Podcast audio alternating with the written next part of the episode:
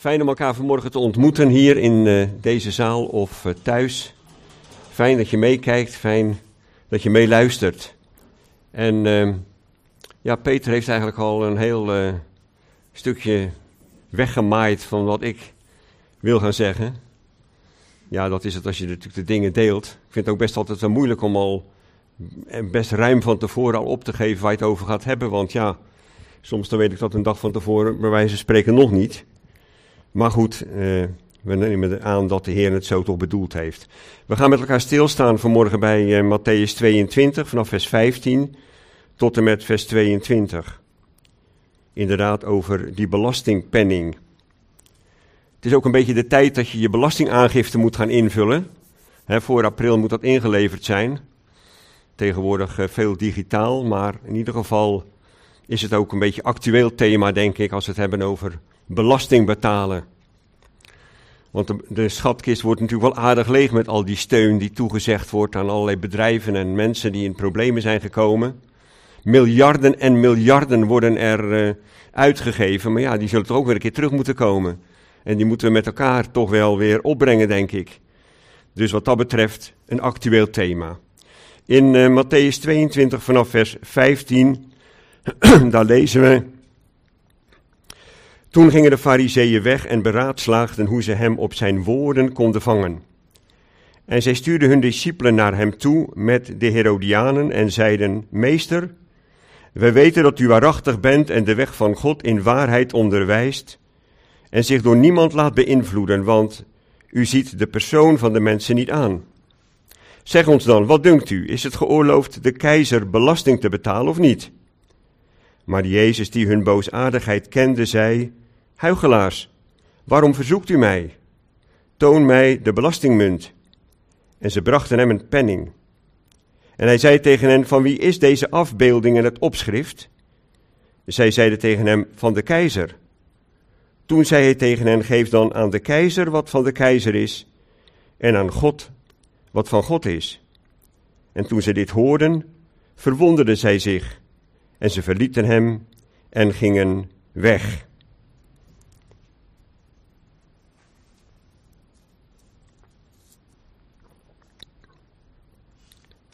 Ja, in de laatste week van de Heer Jezus voor zijn lijden en sterven, dan zien we eigenlijk een soort toename van de leiders van Israël om te proberen de Heer Jezus op de een of andere manier ergens van te kunnen beschuldigen. En zoals Peter ook al gezegd heeft, voor de kinderen, ja, ze probeerden hem op zijn woorden te vangen. En zo staat dat ook hier beschreven in onze Bijbeltekst. En ze probeerden, ze beraadslaagden hoe ze hem op zijn woorden konden vangen. Het gaat uiteindelijk, als we zien dat ze dan op de een of andere manier proberen de Heer Jezus iets te laten zeggen waarmee ze hem zou kunnen beschuldigen, dan zien we dat ze de discipelen sturen, hun leerlingen, hun volgelingen. Ze gaan niet zelf, maar ze sturen een aantal op uit om die taak naar de Heer Jezus toe te volbrengen. En die komen met de Herodianen, staat erbij in vers 16. En die Herodianen, ja, daar hoor je natuurlijk al de naam Herodes in zitten. Dat was een politieke partij, dat was helemaal geen godsdienstige partij. En hier zien we eigenlijk dat er politiek en godsdienst samengaan. De fariseeën waren natuurlijk heel uh, godsdienstig, heel religieus bezig. Zij meenden het ook op een hele goede manier te doen, de eigenlijk enige goede manier. Maar de Herodianen die hadden eigenlijk niks met godsdienst. Die waren politiek georiënteerd. Politiek en godsdienst zien we hier samengaan. En dan beginnen ze in feite met de Heer Jezus een compliment te geven. Als het ware hem wat uh, stroop om de mond te smeren. Meester, wij weten dat u waarachtig bent en de weg van God in waarheid onderwijst en zich door niemand laat beïnvloeden want u ziet de persoon van de mensen niet aan. Op zichzelf genomen is dat natuurlijk wel een heel groot compliment wat hier door hen gegeven wordt. En er zit natuurlijk ook heel veel waarheid in. U ziet de persoon van de mensen niet aan. Maar uiteindelijk ziet de Heer natuurlijk wel aan wat die persoon doet. Want daar is natuurlijk uiteindelijk ook het oordeel op gebaseerd waar het Oude Testament over spreekt. En waar het Nieuwe Testament ook heel duidelijk laat zien dat het komen gaat. Maar God ziet de persoon van de mensen niet aan. Voor, is de, voor hem is de een niet belangrijker dan de ander. Wie je ook bent, wat voor kleur je ook hebt, je bent voor God allemaal gelijk. En dan zeggen ze, zegt u ons dan, wat dunkt u, is het geoorloofd de keizer belasting te betalen of niet? De keizer, zoals al gezegd, was de hoofd van de bezetters. De Romeinen bezetten het land en de keizer was hun baas. En dan zeggen ze, is het geoorloofd om aan de keizer belasting te betalen of niet? Dat woordje geoorloofd, zoals dat in onze Bijbel vertaald is, dat kom je Matthäus 12, vers 2 tegen de grondtekst, waar staat, toen de fariseeën dan zagen, zeiden ze tegen hem, zie uw discipelen doen iets wat niet geoorloofd te doen is op de Sabbat. Matthäus 12, vers 4, daar zegt de Heer Jezus, als het gaat over dat de uh, discipelen aren plukken, en hij, hij daarop aangesproken wordt, dan zegt hij tegen de fariseeën, hoe David, is dat, daar gaat het over, hoe David het huis van God binnengegaan is en de toonbroden gegeven heeft die hij niet mocht eten, evenmin als zij die bij hem waren, maar alleen de priesters. En in 12 vers 12 van Matthäus, hoeveel gaat niet een mens een schaap te boven? Daarom is het geoorloofd op de sabbatdagen goed te doen. Dat woordje geoorloofd heeft dus in de context, in het verband te maken met de wet, met de regels van God. En is het inderdaad volgens de regels van God, zou je kunnen zeggen, dat wij aan een heiden, aan een overheerser, belasting moeten betalen. Dus we zien hier uiteindelijk een, ja, een soort een vraag waar twee partijen baat bij hebben. Als de Heer Jezus zegt, uh, het is geoorloofd, dan kunnen de fariseeën en de schriftgeleerden zeggen, ja, maar dat is niet volgens de wet. En als hij zegt, nee, je mag geen belasting betalen, ja, dan heeft hij, nu, heeft hij natuurlijk problemen met de Romeinse overheid. Dus met andere woorden, de Heer Jezus, daar wordt heel veel wijsheid van verwacht en gelukkig heeft hij die om dan uiteindelijk het juiste antwoord te geven. In vers 18 en 19, maar Jezus die hun boosaardigheid kende. Hij zag de persoon van de mensen niet aan, maar hij wist natuurlijk wel wat er in het hart van deze mensen was die hem die vraag kwamen stellen. En dan zegt hij, huigelaars, waarom verzoekt u mij? Hij onderkent heel nadrukkelijk waarom ze deze vraag stellen. En dat woordje huigelaars, dat is iets wat een beetje op het lijf van de fariseeën, de schriftgeleerden, geschreven is. In hoofdstuk 23, daar staat bij mij boven het wee over de fariseeën. En als je dat doorleest, dan zie je iedere keer dat woord ook terugkomen, dat woordje huigelaars. Jullie doen je beter voor dan dat je bent. Jullie uiterlijk is niet overeenstemmig met dat wat er uiteindelijk in je hart zou moeten zijn. Jullie doen de dingen voor de mensen, maar je doet ze niet voor God. Je doet het niet met een volkomen toegewijd hart aan God, wat je zo uiterlijk laat zien van je godsdienstigheid. En dan zegt hij tegen ze: Toon mij de belastingmunt. Die belastingmunt was voor de orthodoxe Joden, voor de Fariseeën, was dat eigenlijk een groot probleem, want daar stond natuurlijk een afbeelding op. Hè, de kop van de keizer. Zoals Peter ook liet zien met betrekking tot de munten die wij vandaag hebben. En ja, dat was in feite tegen de wet. Geen afbeelding maken, dat is wat de wet heel nadrukkelijk zegt. En uh, die. Uh, en God zei. Nee, sorry. Even kijken. Exodus uh, ehm, 20, vers 4. U zult voor uzelf geen beeld maken. Geen enkele afbeelding van wat boven in de hemel of beneden op de aarde. of in het water onder de aarde is. In Exodus 20, vers 4 staat. En in Deuteronomium 5, vers 8. kom je dat ook nog een keertje tegen. Dus de leiders van Israël hadden heel veel problemen met die munt omdat daar dus een afbeelding op staat. En zij vonden dat dat dus tegen de wet, het woord van God, inging. Maar uiteindelijk is het toch de methode die de Romeinen hadden ingesteld om op deze manier belasting te betalen. Waarschijnlijk moest je die munten kopen met gewoon, zeg maar, Joods geld, met shekels. En dan kon je die munten, die moest je dan uiteindelijk afdragen aan de overheid, aan de keizer. Het was in feite een soort eh, OZB-belasting die ze moesten betalen, zoals wij dat dan kennen. En die in ieder geval in Westland weer gigantisch verhoogd is, want ze komen, weet ik wat, dan geld tekort. En dan wordt het maar weer bij de huiseigenaren gelegd. Maar het was natuurlijk een probleem wereld, of nou ja, wereldwijd misschien niet, maar wel in heel Nederland. Altijd als die OZB-belasting, die tarieven bekend worden, worden allerlei gemeenten met elkaar vergeleken. En wat is nou de duurste gemeente om in te wonen? Nou, Westland wordt bijna een van de duurste gemeenten. Het is een soort Wassenaar, maar dan aan de zee. In ieder geval, de keizer heeft bepaald dat dus met die munt belasting betaald moet worden. Een afbeelding staat erop, die munt. En dat is in, in het Grieks, als je dat dan even omzet naar het Nederlands, het woordje icoon. Icoon uh, staat daar in het Grieks. En daar komt ons woordje icoon vandaag, vandaan. En ja, we leven vandaag in een wereld van iconen. Van allemaal beeldjes. Hè, op je computer, op je, op je smartphone. Um, zijn het allemaal beeldjes, icoontjes, apps. En dat icoontje dat zegt iets. Dat zegt iets van wat zit daarachter.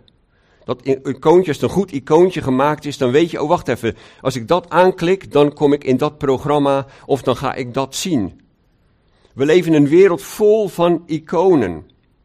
En uh, ja, iconen, dan moeten we natuurlijk vaak denken aan uh, de orthodoxe kerken, de Russisch-orthodoxe kerk, maar ook de Afrikaans-orthodoxe kerk, met al die iconen, die afbeeldingen van heiligen of van de Heer Jezus of van Maria in de kerken of thuis aan de wand. In de katholieke kerk heb je natuurlijk ook iconen, maar het gaat natuurlijk veel verder. Vandaag in de dag leven we allemaal in een wereld van plaatjes, van iconen. En uh, ja, nou is het geweldige dat de God van de Bijbel eigenlijk met iconen begonnen is. Waar Peter ook in feite al even naar refereerde. Dat God op een bepaald moment zegt in Genesis 1. Laten wij mensen maken naar ons beeld, naar onze gelijkenis. En laten zij heersen over de vissen van de zee, over de vogels in de lucht, over het vee en over heel de aarde en over al de kruipende dieren die op de aarde kruipen. En God schiep de mens naar zijn beeld, naar het beeld van God schiep hij hen, namelijk, sorry, mannelijk en vrouwelijk schiep hij hen. Genesis 1, vers 26 en 27. Volgens de Hebreeuwse manier van zeggen zou je ook kunnen lezen, laten wij mensen maken in de gelijkenis van ons beeld. God heeft een beeld. God heeft een icoon. En dat beeld in de Bijbel, dat is uiteindelijk de Heer Jezus. Het beeld in de Bijbel is altijd wat zichtbaar is. In het Oude Testament lees je heel vaak over beelden, afgodsbeelden. En dat zijn altijd zichtbare gestalten van hout of van een bepaald metaal gemaakt, of misschien zelfs wel uit steen uitgehakt. Het is altijd iets zichtbaars. En als de mens naar het beeld van God geschapen is, dan is dat ook met betrekking tot de gestalte. Dat is niet wat vaak gezegd wordt, nou ja, wij, wij zijn naar Gods beeld geschapen omdat wij kunnen spreken, omdat we kunnen denken, omdat we kunnen liefhebben. Al die speciale eigenschappen die God heeft, die hebben wij ook. En dat is natuurlijk ook zo. Maar het woordje beeld heeft nadrukkelijk te maken met het uiterlijk. De gestalte. De Heer Jezus, Hij is het beeld van God. In Colossense 1, vers 15, Hij is het beeld van de onzichtbare God, de eerstgeborene van heel de schepping. Hij is het beeld van de onzichtbare God. We geloven natuurlijk in een drie-enige God, de Vader, de Zoon en de Heilige Geest, die er van eeuwigheid is. Maar op een bepaald moment geloof ik dat de zoon zichzelf zichtbaar maakte voordat hij aan het scheppen van de schepping begon. voordat het zichtbare gemaakt werd, maakte de zoon zichzelf zichtbaar. Hij is het beeld van de onzichtbare God, de eerstgeborene van de hele schepping. En dat woordje eerstgeborene, dat heeft in zich ook de belangrijkste. Maar als we het hier denk ik letterlijk nemen, en zo neem ik het ook, dan een eerstgeborene, een geborene, die wordt zichtbaar. dat kind is in de moederschoot en op een bepaald moment als die geboren wordt, wordt hij zichtbaar. En zo is de Heer Jezus zichtbaar geworden. Hij is niet geboren zoals wij dat kennen dan vanuit een moeder enzovoort enzovoort van eeuwigheid. Hij is uiteindelijk geboren als mens uit de maagd Maria. Maar voordat hij mens werd, had hij een gestalte aangenomen. Was hij zichtbaar geworden. En die kom je dan ook in het Oude Testament diverse keren tegen. En in Ezekiel 1, vers 26, daar staat: En boven het gewelf dat boven hun hoofden was, was iets met het uiterlijk van een saffiersteen, iets wat leek op een troon. En daarbovenop wat op een troon leek, was iets wat leek op een mens. En daar zien we dat beeld van God. De Heer Jezus, die zich openbaart onder andere als de boodschapper van ik ben, of misschien wel heel letterlijk bode ik ben in het Oude Testament. De engel van de Heere, zoals die in onze Bijbel wordt vertaald. Nou, de mens, die is naar dat beeld geschapen. De mens lijkt op de Heer Jezus zijn gestalte. En in het bijzonder is dat dan de man. De man is geschapen naar Gods beeld en de vrouw is daarvan afgeleid. er zijn natuurlijk een paar verschillende kenmerken, dat weten we allemaal, denk ik wel. Maar qua gestalte zijn man en vrouw in die zin hetzelfde. Met armen, met benen, met een hoofd, met een romp. We zijn naar het beeld van God, de Heer Jezus, dus geschapen. Als je de mens ziet, dan zie je in feite het beeld van God. En als die mens dat beeld van God draagt, hè, dat, dat beeld van God dat is zichtbaar op die mens, dan zie je dat die mens van God is.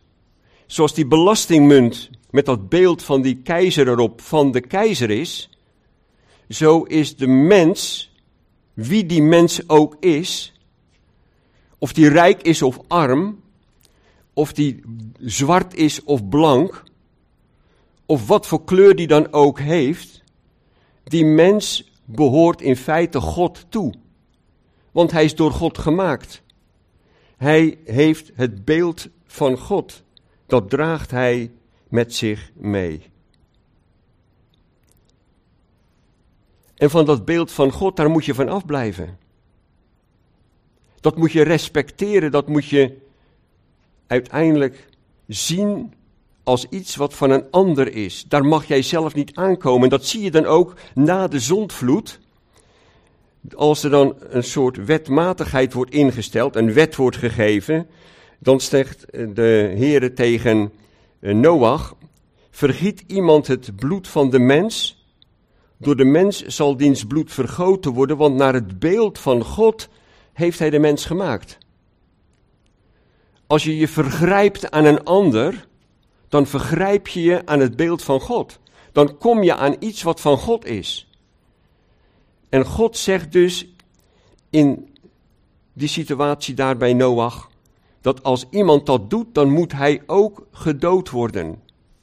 Dat is dus in feite de doodstraf die daar ingesteld wordt. En waar Paulus naar mijn mening dus ook op teruggrijpt als hij zegt, de overheid draagt het zwaard niet te vergeefs. Wij hebben vanuit allerlei menslievende en humanistische redenen de doodstraf afgeschaft. En het is natuurlijk heel belangrijk dat als die doodstraf er nog gepraktiseerd wordt, dat er een hele goede rechtspraak is. Ik weet dat ik over dit thema nog wel eens ergens gesproken heb. En uh, daar zat ook een rechter in de zaal. Iemand die dus wel eens op de televisie te zien was bij een rechtbank. En uh, ja, die kwam natuurlijk naar mij toe over die doodstraf. Maar ik geloof dat de Bijbel dat leert. Want Het is iets waar je je aan vergrijpt wat van God is. En daar heeft God dus wat dat betreft een hele zware straf opgezet. Het probleem in de huidige samenleving is dat door de evolutietheorie de mens in het algemeen niet gelooft dat hij naar Gods beeld is gemaakt. De mens is een product van toevallige omstandigheden. Hij is het zicht op God kwijtgeraakt. En dat heeft hele grote consequenties in onze wereld. Ook hoe de mensen met elkaar omgaan. De evolutietheorie. Een satanisch instrument waar, waar de mensen gehersenspoeld mee zijn, mee worden, hoewel bepaalde wetenschappers daar wel op terugkomen.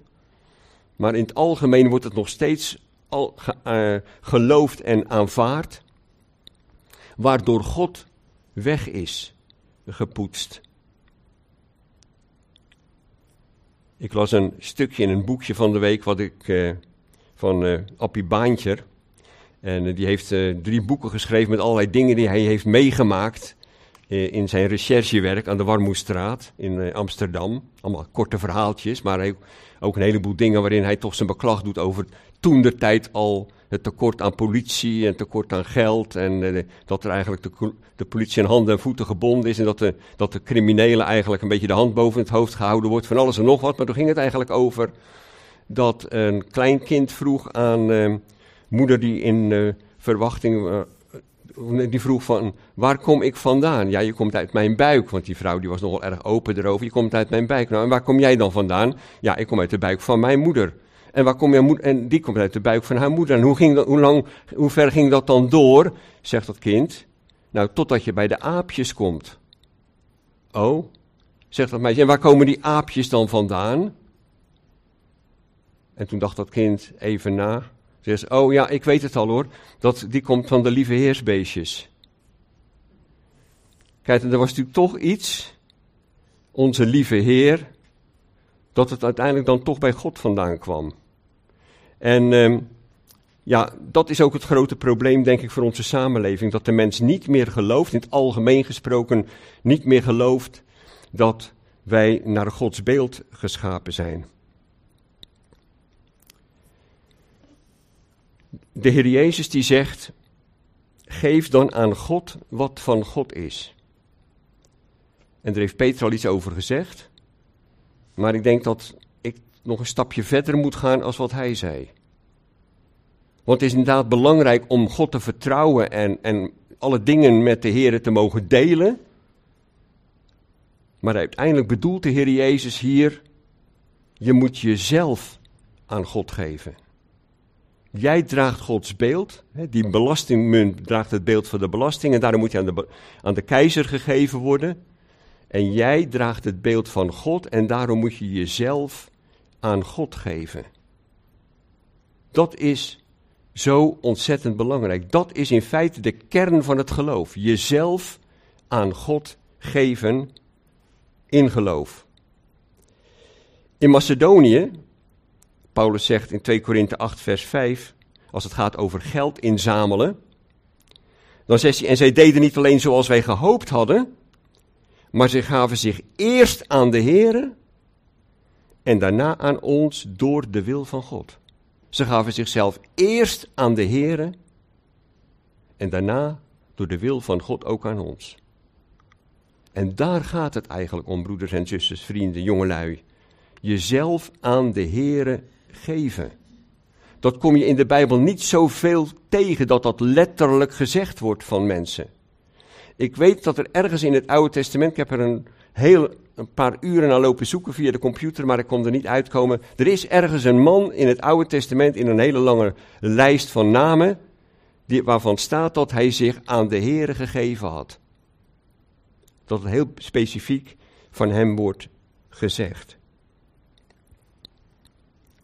Voor degenen die de Heer Jezus hebben aanvaard als redder en verlosser, geldt want hen die hij van tevoren gekend heeft, heeft hij er ook van tevoren toe bestemd om aan het beeld van zijn zoon gelijkvormig te zijn, opdat hij de eerstgeborene zou zijn onder vele broeders. Hier gaat het over wat voor ons in de toekomst, voor de gelovigen, voor degenen die de Heer Jezus hebben aanvaard als hun redder en verlosser, wat er in de toekomst voor ons ligt te wachten. Dat wij aan het beeld van de Heer Jezus gelijkvormig zullen worden. En dat is zijn opstandingslichaam. En daarmee is hij dan ook de eerstgeborene onder vele broeders. Hij is de eerstgeborene uit de doden. Hij is de eerstgeborene van de schepping. Hij is de eerstgeborene uit de maagd Maria. En hij is de eerstgeborene uit de doden. Wij gaan lijken, lichamelijk lijken op de Heer Jezus. Als wij een opstandingslichaam hebben ontvangen. 1 Korinthe 15. En zoals we het beeld van de stoffelijke gedragen hebben, zo zullen we het beeld van de hemelse dragen. En daarbij aansluitend Filippenzen 3 vers 21 om ons vernederd lichaam te veranderen, zodat het gelijkvormig wordt aan zijn verheerlijk lichaam, na overeenkomstig de werking waardoor hij ook alle dingen aan zichzelf kan onderwerpen. We zijn naar Gods beeld geschapen als mens en als zodanig behoren wij ons aan God te geven. En als je jezelf aan God geeft, dan geef je ook alles wat van jou is aan God. Niet inderdaad zoals Peter zei terecht van, uh, nou ja, ga ik nou mijn smartphone aan God geven? Of uh, ga ik dit aan God geven? Nee, jezelf aan God geven, inclusief alles wat van je is. En wat je van Hem hebt ontvangen. Tot die geweldige lichamelijke verandering er is, is het de bedoeling dat we door een voortdurende geestelijke verandering in geestelijke zin steeds meer op de Heer Jezus gaan lijken. Qua karakter, qua innerlijk. Paulus zegt in Colossense 3, vers 10: Lieg niet tegen elkaar, aangezien u de oude mens met zijn daden af, uitgetrokken hebt. En u met een nieuwe mens bekleed hebt, die vernieuwd wordt tot de kennis overeenkomstig het beeld van hem die hem geschapen heeft. Dus vernieuwd worden tot kennis overeenkomstig het beeld van die hem geschapen heeft. En dat beeld is weer die zoon, de Heer Jezus. Naast het beeld is daar ook het opschrift op de munt. Hè? Van wie is deze afbeelding en het opschrift? Had de Heer Jezus gezegd. Nou, daar stond de naam van de keizer stond daarop. Niet alleen zijn hoofd was te zien, maar ook zijn naam stond erop. En het is wat dat betreft ook voor ons als gelovigen zo belangrijk dat in ons leven die naam van God zichtbaar wordt. Paulus zegt in 2 Korinthe 3: Het is immers openbaar geworden dat u een brief van Christus bent. Door onze bediening opgesteld, geschreven niet met inkt, maar door de geest van de levende God. Niet op stenen tafelen, maar op tafelen van vlees van de harten. Dat we een brief van Christus zijn, geschreven door de Heilige Geest. Dat Gods handtekening, dat Gods woord in ons leven zichtbaar wordt. Dat God zelf in ons leven te zien is. Niet alleen qua afbeelding, als we opnieuw geboren zijn, dus met andere woorden, wij als gelovigen zijn eigenlijk voortdurend met dat beeld bezig. Gewoon als mens ben je een beelddrager van God. Maar als nieuw geboren mens ben je ook weer een beelddrager en nog in veel volmaaktere zin een beelddrager van God. En gaan we straks, als de Heer Jezus terugkomt en wij een nieuw lichaam ontvangen, ja, dan zijn we weer een beelddrager. We zijn als mens, wat ons uiterlijk betreft, naar Gods beeld geschapen. Als gelovigen zijn we geestelijk opnieuw geschapen naar het beeld van de Zoon. En dat beeld moet in ons dagelijks leven steeds meer zichtbaar worden. En bij de komst van de Heer Jezus zullen we ook lichamelijk weer het beeld van de hemelse dragen. Tot dat moment zingen wij: Heer, ik geef me aan u volkomen. En ik leg mijn al hier voor u neer, opdat u in mij zoudt wonen, met uw liefde, o Heer. Al de liefde van mijn harte zij u voortaan toegewijd. Ik vrees geen moeite meer of smarten, daar gij met mij zijt. En ook dat andere lied, maak mij een beeld van u. Die liederen behoren heel belangrijk te zijn. En als ik zo in allerlei verschillende samenkomsten kom, dan valt het me op dat we dat soort liederen zo weinig meer zingen. Die liederen van overgave. Ik weet toen we op de Bijbelschool kwamen, het eerste jaar op de Bijbelschool, toen moesten we als uh, nieuwe studenten moesten wij een koor vormen. En uh, er was ook een broeder aangetrokken die ons een beetje daarin wegwijs moest maken om samen te zingen. En toen moesten we ook zo'n lied van overgave zingen. Heer, ik geef me aan u volkomen. En ik leg mijn al hier voor u neer, dat is deze uitvoering, maar je hebt ook nog een andere. Ik geef mijzelf aan u. Neem mijn leven nu. Dat is in feite wat God van ons vraagt. Geef aan de keizer wat van de keizer is. Vul je belastingformulier in en doe dat op een goede, eerlijke manier. En inderdaad, als de rekening binnenkomt, dan betaal hem dan ook gewoon. Maar daarnaast en daarbovenuit, geef jezelf aan die geweldige God.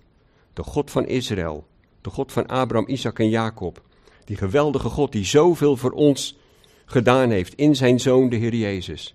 En die we mogen verwachten, ook in deze donkere tijd. Er is altijd licht. Toen we vanmorgen hier naartoe kwamen rijden, toen zagen we net in Naaldwijk nog een gigantische zwarte wolkolom. En daarboven zag je de stralen van de zon. Er is licht aan het eind van de tunnel, of er is licht achter de wolken. En dat licht komt zo meteen uiteindelijk uh, tevoorschijn. Er is uit werelds duistere wolken een licht der lichten opgegaan. Kom tot zijn schijnsel alle volken en aanbid die geweldige Zoon van God. Amen.